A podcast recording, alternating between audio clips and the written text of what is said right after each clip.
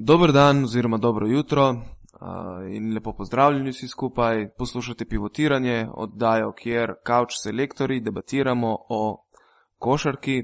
Danes sva tukaj spet samo dva kavč selektorja. Uh, ta tretji kavč selektor snema treninge v pripravi na četrt finale ostalih reprezentanc. Z mano je Miha Penko. Zdravo, živo. Pozdravljen, jaz sem uh, uh, Neč Tukaj. Ej, kakšno je vreme, kaj je dol pri vas? Uh, izjemno slabo. No? A, v redu, ja, pol ja, nisem edini. Ja. Deževno, napolno, če ne drugo, bo pa za kakšne gobe, očitno, malo bolj primerno. Glede na to, sem slišal, da se jih dosti da dobiti v zadnjih dneh. Pa tudi po, po Facebooku krožijo razne, razne fotke navdušenih navdušenih govorjev. Se pravi, nekdo dejansko obstaja, ki trenutno ne gleda košarke. Očitno, ja. Čeprav je tako zelo, zelo malo, eh, glede na podatke o sami gledanosti, glede na to, da so fancone, ko igra Slovenija, bolj kot ne polne in v Stožicah in pa v centru Ljubljane. In glede na to, da, sem, da je dvorana razprodana, očitno ni veliko takšnih, ki si košarke, košarke ne bi ogledali. Ne? Mislim, da okrog 75 odstotkov uh, slovencev že spremljalo. Pred prejšnjim tekmom, ne finsko, ampak tisto prej, se pravi z Grki. Z Grki. Z Grki, ja. z Grki ja. No, na, na Grke in na našo reprezentanco in gledanost se bova še vrnila. Ne? Uh, zdaj nekako dava narediti rekapitulacijo tega tedna, ki se je zgodil. Uh, končal se je, se pravi, drugi del uh, uh, Evropskega prvenstva, začenjajo se izločilni boji, Uh, si kaj presenečen? Jaz osebno sem zelo presenečen, uh, ampak deva pogledati recimo skupino, po, prvo po abecedi, se pravi skupino E, kjer imamo ekipe, ki so napredovali v četrt finale, to so Srbija, Litva, Francija in Ukrajina, izpadli sta pa Belgija in celo zadnja Latvija. No, jaz ne bi rekel, da je bilo prav grozno presenečenje, razen enega samega, ampak sedem od osmih reprezentanc uh, se mi zdi primernih, oziroma tistih, ki smo jih na nek način pričakovali med najboljšimi v sami zaključni fazi, bolj kot ne. Ukrajina pa jasno, reprezentanca, ki je presenetila v prvem delu, ki je presenečena še naprej v drugem delu in uh, si povsem zasluženo in pošteno preigrala možnost boja celo morda za, za odličja. Ukrajina, ki bo v četrt finalu igrala proti Hrvaški, verjetno obe reprezentanci tole iščeta svojo priložnost. Eh, Ukrajinci niso naleteli na najtežjega možnega nasprotnika, glede na to, kakšne so bile ostale možnosti. Hrvati pa ravno tako po drugi strani, verjetno celo najbolj zaželjenega nasprotnika. Ampak dobro, na koncu Srbija, Litva, Francija in Ukrajina, štiri reprezentance iz skupine E, ki napredujejo žal na tistem tretjem mestu Francija, ne, kar pomeni, da se bo pač udarila Slovenijo, ki je bila druga v skupini F. Srbi so eh, si zagotovili prvo mesto, prav zmago nad Francijo na zadnji tekmi. Ja. Uh, kaj bo to prineslo, bo pač pokazal čas v naslednjih dneh. Ampak dejstvo pa je, da so Srbi odigrali eno zelo, zelo dobro tekmo proti Franciji. Kljub temu, ne, da v tem drugem delu niso blesteli ravno na vseh tekmah in so imeli nekaj težav, tudi nekaj krepkih je bilo slišati iz njihovega tabora, predvsem po porazu proti porazu Ukrajini. z Ukrajino. Ne? Verjetno si ti kot presenečenje imel v mislih Ukrajino. Ne? Predvidevam, da ne ostalih reprezentantov. So te presenetili morda še italijani? Italijani so me nehali presenečati, ko sem videl, kako so odigrali prvi del v Kopru. Ne? Tako da mislim, gre za, iz, za nekako izjemno pametno reprezentanco, ki goji lepo igro, konstantno išče igralca, uh, več prostega igralca, žoga jim izredno kroži in, in nekako s tem kroženjem žoge v napadu spuščajo, znižujejo ta manjko visokega igralca, ki ga imajo. Uh, me je pa tukaj recimo mogoče presenetilo lih to, da je Srbija na koncu po tem spletu okoliščin končala na prvem mestu v skupini. Uh, njihova zmaga proti Franciji, eni so sicer takoj se zmeraj po takih tekmah pojavljajo teorije zarote. Ne? Da so francozi mogoče spustili zadevo, ker so se hoteli ogniti špancem v četrt finalu in tako naprej. Ampak po drugi strani se pa tudi ni točno vedlo, s kom bo kdo igral, ker, ker je v, v skupini F, se pravi na, v naši skupini, še vsa zadeva bila uh, en kolo pred koncem popolnoma konfuzna. Ne? Skoraj da vsaka reprezentanca je lahko končala od, med prvim in četrtim mestom. Ja, če je kdo kalkuliral, mislim, da so Španci, eh, se pravi, dan kasneje kalkulirali toliko, francozi mislim, da ne, no, še vedno. Uh, pri francozih je morda ta težava, da je Tony Parker glavni pokazatelj recimo njihove igre. Če Tony Parker igra dobro, če je v formi, če uspe razigrati ekipo, igra Francija v redu, če Tony Parker ne igra, očitno da Francija nima dovolj dobrega drugega košarkarja na poziciji organizatorja igre, ki bi zadevo lahko vzel v svoje roke in te vse ostale, seveda zelo, zelo dobre košarkarje, odlične igralce spravil v red, da tako le rečem. Tudi Tony Parker, recimo na uh, zadnjih tekmah v drugem polčasu, ni kaj veliko metal sploh ne v zadnjih četrtinah, kar me morda malce čudi. Uh, ko poslušam tudi strokovnjake v Sloveniji, od zmaga Sagadi nadalje, vsi pravijo, Francija še ni pokazala pravega obraza na tem prvenstvu. Prišla je skozi najlažjo skupino, kjer ni imela praktično niti enega zares težkega dvoboja v takrat še Tivoliju. V tem drugem delu so francozi odigrali ravno toliko, kot so morali, kar kaže tudi rezultat ne na zadnje. Zgolj tretje mesto v skupini E.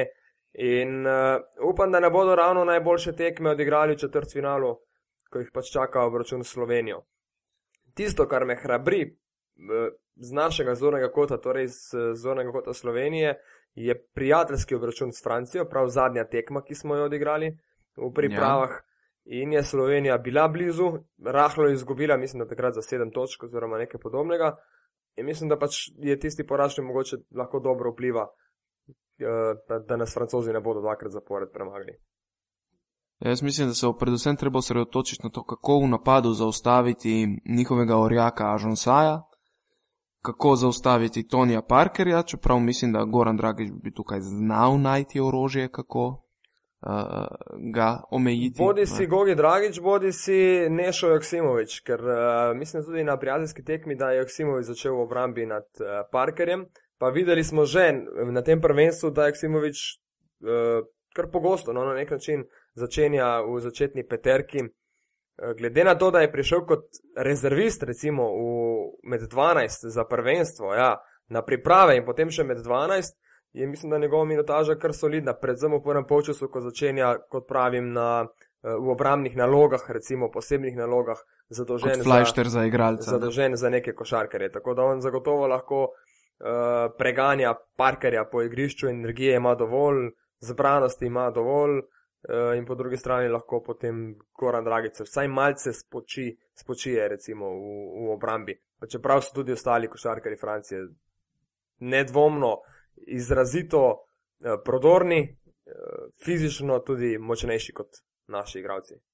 Sej, eh, lih tukaj mene recimo zanima pri slovenski reprezentanci. Ne? Uh, nekako do zdaj smo prika prikazovali zelo čvrsto in fizično igro, kar uh, bi rekel prejšnje leta ni bilo ravno tako. No? To, me, to me veseli, da smo se nasprotnikov začeli lotevati bolj fizično. Je pa zdaj vprašanje tukaj, ker smo v bistvu dobili verjetno najbolj fizičnega nasprotnika od, od vseh možnih štirih uh, nasprotnikov v četrtfinalu. Ja, to praktično vsi opozarjajo o tem, da so francozi najbolj fizično pripravljena reprezentanca, ampak ta, ta Francija je pokazala, da je sposobna izgubiti že v prvem delu, čeprav z najlažjo skupino, v drugem delu prav tako. Uh, in Srbija je pokazala, da z eno dobro igro, če se jim postaviš po robu, jih lahko, jih lahko premagaš. Srbija ne na zadnje dobila prav vse četrtine na tekmi s Francijo in z neko tudi navijaško podporo, mislim, da bi se to dalo, dalo dobiti. Uh, Ažonsa pa po eni strani presenečenje, spet je na nek način prišel med, med žive v košarkarskem smislu, po drugi strani pa verjetno spoh ne bi dobil priložnosti, če bi bila Francija popolna. Uh, ja. ne, na tej poziciji centra, ker jim manjkajo vsaj tri košarki, košarki, ki bi brško ne bili pred njim. Uh, njegova zamenjava Petro pa je v zelo slabi formi na tem prvenstvu. Tako da, če uspemo zastaviti Ažansaja, če pride v vem, težave z osebnimi napakami, francozi na centrski poziciji s Petrojem, uh, jaz sem ga parkrat gledal na, teh, na tem prvenstvu, pa je tudi Airbole metal, uh, ni v igri, ni vključen toliko v samo igro in niso več potem tako zelo, zelo močni, kot recimo delujejo na prvi pogled pod košem. Ok, zdaj pa če pogledamo reverzno, uh, mislim, z drugega zornega kota zadevo, kako bi francozi nas poskušali zaustaviti. Je tukaj se pravi verjetno izvajanje in napadanje na Dragiča, kar se je videlo že na včerajšnji tekmi z Finsko, ki je sicer bila specifične narave in verjamem, da so igralci bili z glavo že precej pri Franciji, da se nam je zgodila taka kanonada v, v Stožicah.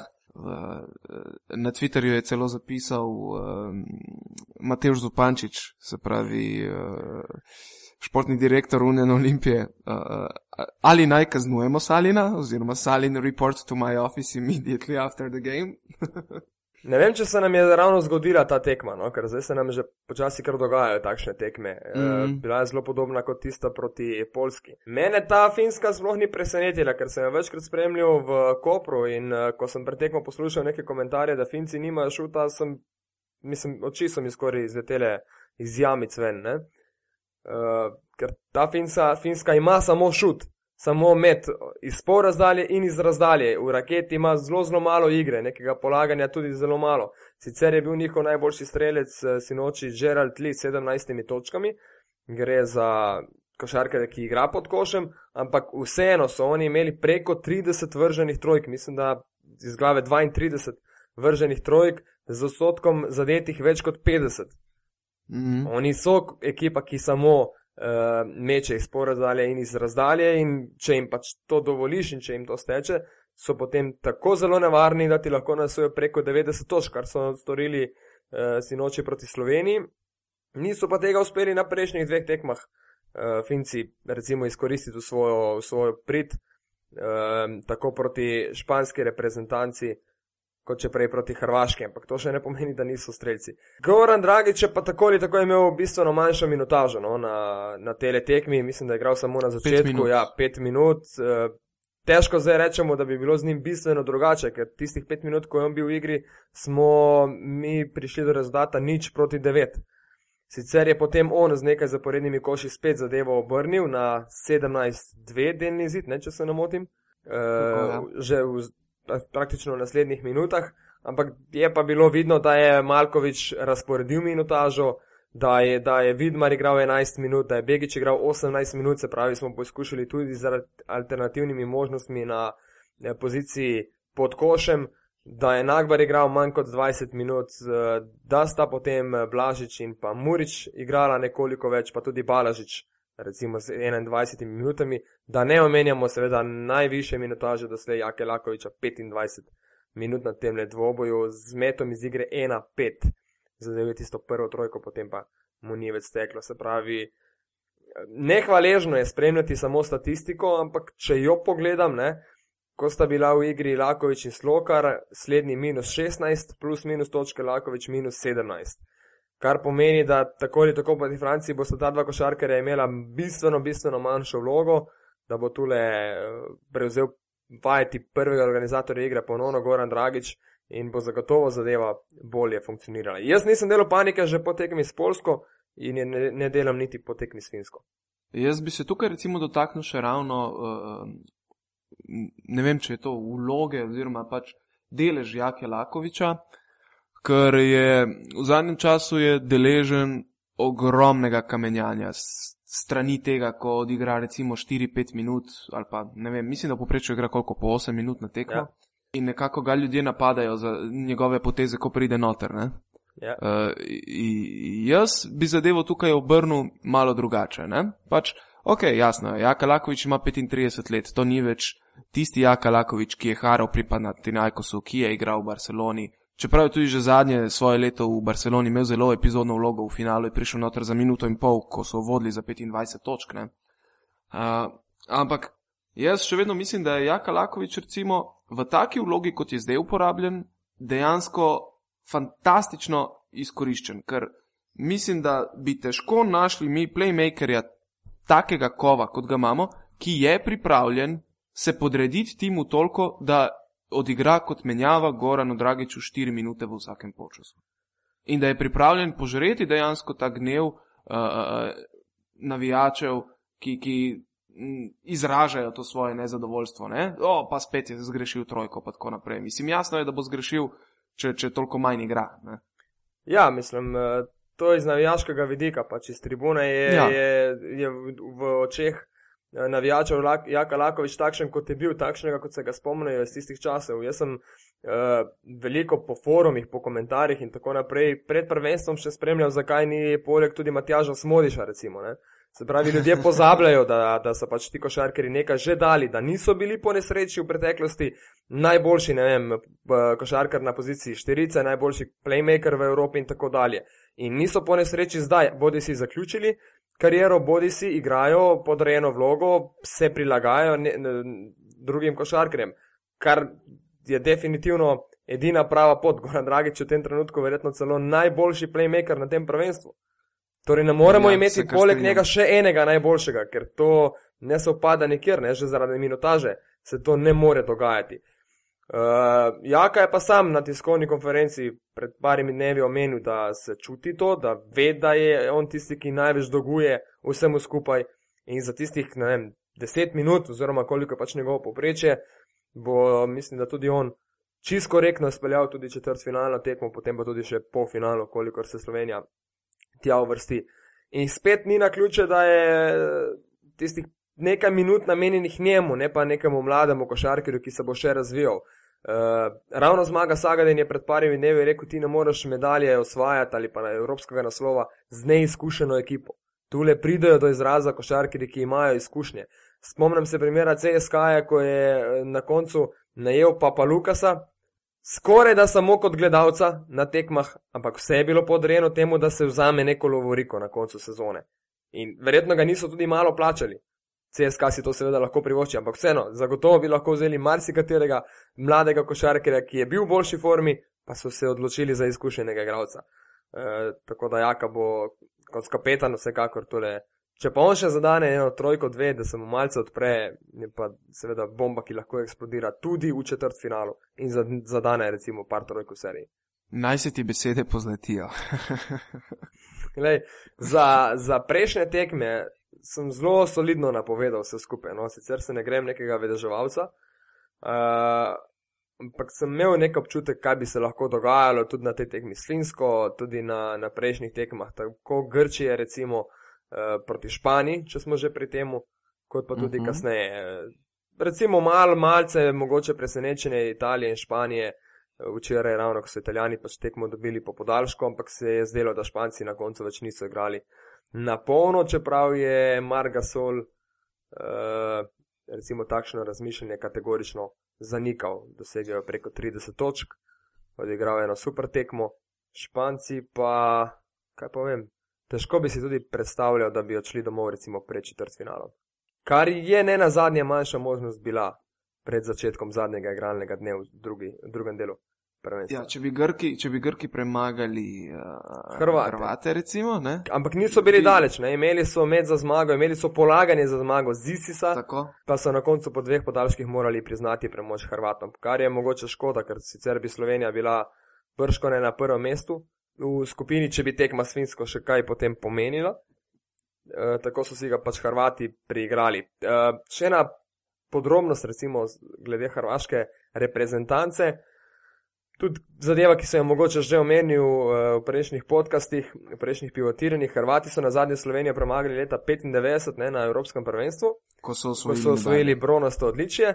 Hrvati imajo zdaj relativno lahko pot ponovno do polfinala in do boja za odličja.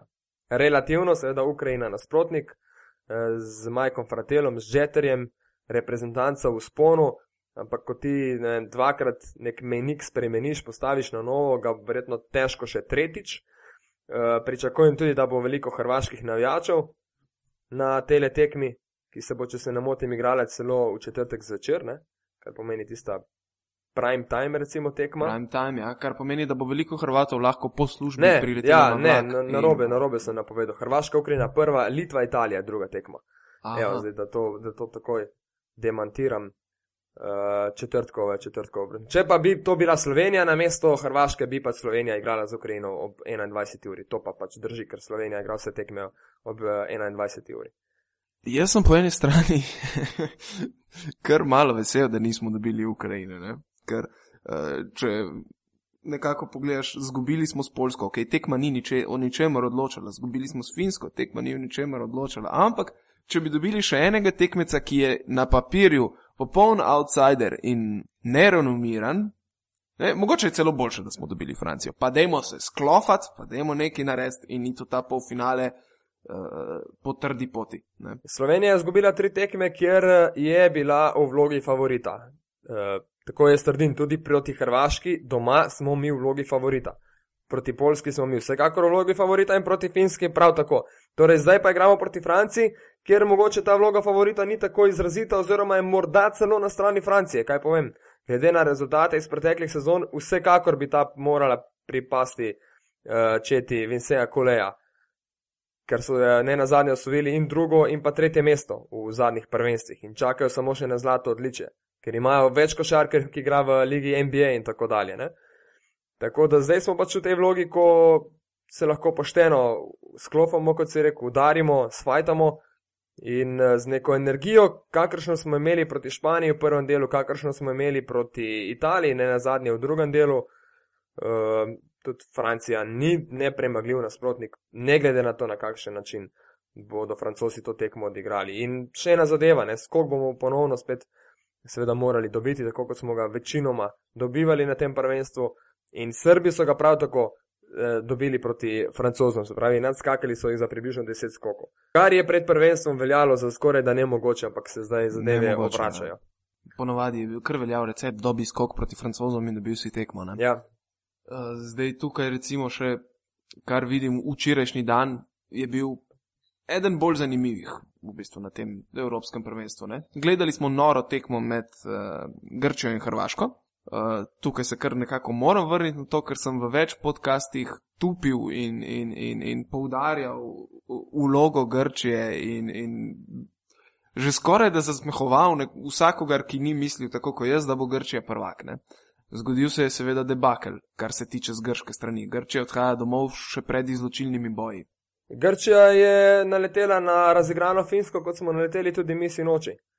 Ja. Uh, Finci so pravno na tisti tekmi z Grčijo zadeli vse, ampak vse, od Kotija do Murinena. Murinen je odigral najboljšo tekmo proti Grčiji. Uh, Peter je Koponen je zadeval kot za šalo za tri točke. Se pravi, Grki so verjetno malce podcenjevali v prvi vrsti Grke. Zgodila se jim je tudi Italija, dan prej, Eh, brez Panulisa, ko so zapravili in s tisto eno zmago, recimo proti Finski, bi Grčija imela bistveno drugačno izhodišče in možnosti v tem drugem delu. Se pravi, Grki so sicer včeraj še zgubili potem s Hrvaško, ampak tako ali tako so verjetno z mislimi že odplavali tja proti Atenam eh, nazaj v domovino. Tudi neke podpore s tribun ni bilo čutiti. Malce se ne morem znebiti občutka, da je Andrej Trinkieri storil najbrž kakšno napako v, v tistem prvem delu. Morda so se košarkari preveč sprostili, tudi on je deloval izjemno sproščeno. Omenil sem že, da se je pogovarjal praktično z vsakim, ki mu je prišel na pot v, v Kopro. Za vsakega si je vzel minuto, dve, pet minut. In ta dostopnost, ta sproščenost je mogoče potem potrovala tudi slabšemu štartu tekmo s Finsko, hkrati s porazu, In ko prideš ti z nič točkami, oziroma brez ene zmage, ki jo prineseš dalje v drugi del tekmovanja in naletiš na Hrvaško, Španijo, Slovenijo, mislim, da tu leti pa potem več ni rešiti. Hrvaško, ki je dobila predtem šest zaporednih dvobojev. Ja, na Hrvaško, ki je izjemno vroča, ki ima vedno več gledalcev in ki je v prvi vrsti zdaj pokazala končno tudi nekaj karakterja, nekaj timskega duha, eh, duha in ne samo uh, tistega talenta, ki je nesporen. Ki ga že, ja, ki nesporen. Tako, ki ga že vsa leta čakamo. V bistvu, in zdaj so pokazali, da lahko igrajo tudi ekipno, da se lahko podredijo ne na zadnje enemu cilju. Uh, njihov najboljši strelec je v narekovajih rečeno šele peti strelec prvenstva s 17 točkami in pol. Uh, igra pa odlično, ne Bogdanovič, verjetno bodoči MBA košarkar, uh, čeprav ni več recimo med najmlajšimi, 24 let, še eno leto bo zagotovo ostal tudi pri Fenerbahču, ampak potem se mu pogodba izteče. Je pa košarkar, ki ga recimo tudi na zadnji tekmi z Grčijo dolgo časa ni bilo, pa je potem v, v drugem delu tekme, v zadnjih, v podaljških zadevo vzel svoje roke in, in zadevo vse, kar je Prav tako treba. tudi Rudeš, ja. ne, ki je v podaljšku zadev potem dve trojke. Je tudi v podaljšku proti Sloveniji zadev dve trojke. Ne? Ja, Rudeš se tudi prebudi, ampak to je njegovo glavno orožje. Ni, Mhm. ni izjemno hiter, ni tako super eksploziven, je pa zelo natančen na tri točke. Deluje pa kot košarkar, ki, uh, oziroma deluje dobro leva sistemu, ki dobro funkcionira. Ni košarkar, ki bi zadevo lahko potegnil in prevzel na, na svoja pleča. Ampak Hrvati zaenkrat, evo, glede na to, kaj so kazali v pripravljalnem obdobju, glede na to, koliko je Repeša moral komunicirati z javnostjo na takšen in drugačen način, se lahko v tem trenutku celo toče po prsih. Vsa zadeva se mi zdi, da se mi je obrnila po tistem katastrofalnem porazu Španci najboljše možno. Ja, tudi to tretjo tekmo so želeli, so želeli dobiti v tem drugem delu z Grčijo. Niso popustili, podaljšake. Drugi podaljšek ne? in potem zmaga za štiri točke. Želeli so si torej prvega mesta v skupini pred Slovenijo, Italijo, Španijo in tudi Grčijo, recimo, no? pa če še vinsko tule omenim. Ne? Se pravi, želeli so pasti na Ukrajino. Relativno najslabši nasprotnik, kot pravim, kot za koga, ampak raje verjetno kot na vem, Srbijo, Litvo ali pa Francijo, če že imaš možnost izbire. In Hrvati so se za to odločili. Sicer bi tekmo izgubili in bi, in bi pač naleteli na, ne vem, na Francijo. Ne? Če eno stvar sem opazil, recimo to, kako smo se v naši skupini vsi nekako izogibali Francije. Ne? Popolnoma drug mindset sem nekako videl pri Srbih, ki so komaj čakali, da dobijo Španijo. Uh, če malce prebereš Twitter in uh, srpske medije, so izjemno samozavestni, izjemno uh, napaljeni na to tekmo, da ne bom pač povzel njihovih kletvic, vseh, ki so jih zapisali, ampak to pa to pa to bomo v Španiji. Ne? Tri Ja, piki se bomo v Španiji. Ne? Se pravi, oni jih je to mogoče še bolj počgalo. S- Meni se pa zdi, da bo Španija to tekmo več kot deset točk dobila. jaz nekako, ok, tukaj nisem objektiven. Ne? A, a, a, bi rekel, moja žena je srpkinja in včeraj, ko je prišla iz službe domov, sem ji povedal, draga, dobili ste Španijo. In rekle, o super, najeba, če imamo in sve po spisku. To je ta mentaliteta, verjetno njihova. To je ta mentaliteta. ne. In, in se pravi, tudi videl sem Danilo Andžušič, recimo tweetnul včeraj uh, Španija, bring it on, pač nekaj v tem stilu. Ne. E, Njim, njim bil všeč način, kako je Španija odigrala tekmo z Italijo. No?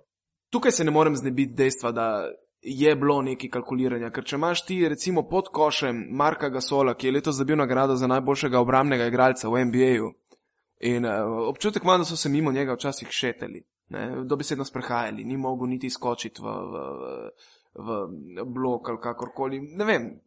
Ampak gledaj, ta Marga Sol je imel štiri osebne napake. Ne? Brez Marka Ja, ja, Sola okay. je pa ta Španija bistveno, bistveno slabša. In Aguilar in Parej nista ta moment dorasla nalogi eh, prvega centra v španski reprezentanci, oziroma zamenjave za prvega centra. Ne? Viktor Nikakor. Klaver se muči na poziciji 4, igra tudi malce na peticiji, eh, če je potrebno, ampak Gasol vseeno 37 minut na igrišču, 4 osebne napake, nad njim pa 11. 32 točk, eh, prosti meti 12, vrženih 9 zadetih, 17 metov za 2 in celo 2 meta za 3 točke. Se pravi, to je skupno skoraj da 30 metov, na tabo pa še 11 osebnih napak mislim, in 10 skokov. Energije okay, ja. uh, je porabil, potrošil ogromno, se pravi, Gasol je, mislim, da tole še najmanjši dolžnik vsega skupaj. Če pogledamo druge, Rudi Fernandez, 4 točke, dve vrženi trojki, slab odstotek meta za dve točki, samo dva skoka in od teh štirih točk je še eno atraktivno zabijanje, ne, da smo si na jasnem. Uh, Calderon, Rubio, dve točki z celimi, uh, celo eno asistenco. Tule se morajo v španski reprezentanci malce poprašati. Dobro, tudi Sergio Ljuli je samo pri petih točkah končal si nočno tekmo, ampak mislim, da ima v tej reprezentanci zelo obstransko vlogo in nima tiste vloge kot v Realu, kjer je lahko potegnil, kjer je lahko odigral tudi morda malce bolj kakšen indijanski napad, eh, mm. -hmm. samostojno akcijo. Tako da, ne vem, če se mogoče imaš dru- drugačno recimo, eh, mnenje vsem skupaj, ampak vseeno, no, se mi zdi, da ga so proba odigrati in da morajo drugi več dodati v tej reprezentanci. Sigurno, sigurno, ta učitek vidim, da je neutemeljen. Ne, Je- pač tvoje videnje, ne? ne, hvala ne, ne, Bogu. moje videnje je vmes že očitno splavalo v drugo pot. Ja. Ker to je ravno tako, kot če bi pač, ne vem, vse potem slonilo v Sloveniji samo na Gogiju Dragiču. Se pravi, ni Gogija, zgubili smo s Finsko. Vse je na njemu, zdaj on je slabo igral, ni slabo igral, on ne more vsako tekmo igrati toliko in se trošiti. Hvala, jaz sem zadovoljen z to, da ga je Malkovič tudi spočil in da bo pač na tekmi proti Franciji odigral tisto, kar je potrebno. Ne? Mal me je to vseeno začudilo, no? da Španci niso odigrali Ne na Gasola, ampak tudi ostali košarkari, ker italijani recimo sploh nimajo neke hude obrambe v raketi. Sploh, ko, ko je šel Kozin ven s petimi osebnimi napakami, hitro si je nabral že tri, uh, pa so italijani v bistvu kar velik še naprej metali izven rakete. Kjer so pa izredno uspešni ne? in Aradori in Gentile, uh, da Tome tudi in Belineli izvrstni. Predvsem Aradori in Gentile sta bila pred tole zadnjo tekmo oba dva med šestimi najboljšimi košarkari uh, po odstotku skupnega meta. Prav izjemno natančna, ne? preko 50, kar je super, ne? vsekakor. Ja, Italija bo igrala z Litvo, ne? z Litvo v četrtfinalu. To, Zelo ja. izenačen dvoboj, uh, Litovci morda malce bolj tanki. Bistveno na, močnejši v raketi. Ja, ne? pa malce bolj tanki na poziciji organizatorja igre. Italijani pa se mučijo brez pravega ali pa zgolj z enim centrom kozinom. Meliki igra na petici, meni je to zelo nenavadno videti v italijanski reprezentanci, ampak fant se je v zadnjih mesecih pač ojačal. Uh, in dvoj bo, bo verjetno zelo napet do konca. No, izrazitega favorita v te, tem obračunu ni, sploh ker bo Italija brško ne imela spet prednost domačega igrišča, čeprav bo zagotovo tudi ve, veliko litovskih, litvanskih navijačev. Tukaj se mi zdi, da bomo gledali v bistvu dve različni košarkaški filozofiji. Uh, Litvanci bojo izjemno poskušali, z, verjetno prav z pick and rolli in skozi raketo preko svojih centrov prihajati do točk, Italijani bojo pa nekako širili igro in po zunanji liniji uh, poskušali uh, pridobivati svoje, svoje, svojo prednost, svoje orožje. Ne? Ja, in uh, oboji že pregovorno, no, uh, dobri strelci, ne, iz pol razdalje in iz razdalje. Litovska košarkarska šola sloni na, na metu, ne toliko morda na prodoru, uh, s tem, da imajo zdaj tudi odlične, cen, odlične centre. Ne, in tudi dokaj visoko, uh, visoko tole centrsko linijo, Valenčunas, uh, Jotokas, ki pa praktično ne igrajo, še nekoliko višji, oba brata Laurinovič. Klajza. Ja, Klajza, ja. Zelo, zelo bo zanimiva ta tekma, sploh če bodo Litovci odigrali recimo z dvema visokima košarkarjema istočasno, kar ne bi bilo nemogoče. Potem se znajo pač italijani znajti v, v neki težavi, tako kot so bili težavi proti Sloveniji. Ker italijani pa igrajo z Datomejem recimo na štirici, ne, ki bo zelo težko potem branil kakšnega od teh igralcev. Kdo je tvoj favorit na tej tekmi? Imaš kakšnega tihega favorita? Uh, jaz sem si, preden sem začela, prav malce izpisal, no, uh, tale seznam recimo četrt finala, sredine tekme Srbija, Španija, Slovenija, Francija, na desno stran se pravi Hrvaška, Ukrajina, Litva, Italija. Moj, recimo, za letos sanski finale bi bil jasno Italija, Slovenija, kar morda niti ni tako nemogoče, glede na to, da sta obe reprezentanci med osem, glede na to, da pač pričakujemo, navijamo za Slovenijo, da pride v finale, in po drugi strani pa Italija, na drugi strani z Litvo in po vsej verjetnosti s Hrvaško, se pravi tekma na nož tekma 50-50, nisi slabši v nobenem primeru in če se ti malce tu sreča poklopi, lahko priješ do tega finala. Kar bi bilo mogoče celo malce absurdno, glede na to, kakšne odpovedi so italijani imeli v pripravljalnem obdobju. In če se bo zgodilo to, da Italija pride do finala ali pa celo do odličja, potem bo še enkrat demantizo vse tiste prijateljske tekme, ko jih skušamo razumeti, k, eh, analizirati, komentirati in predvideti nek zaključek prav po prijateljskih obračunih.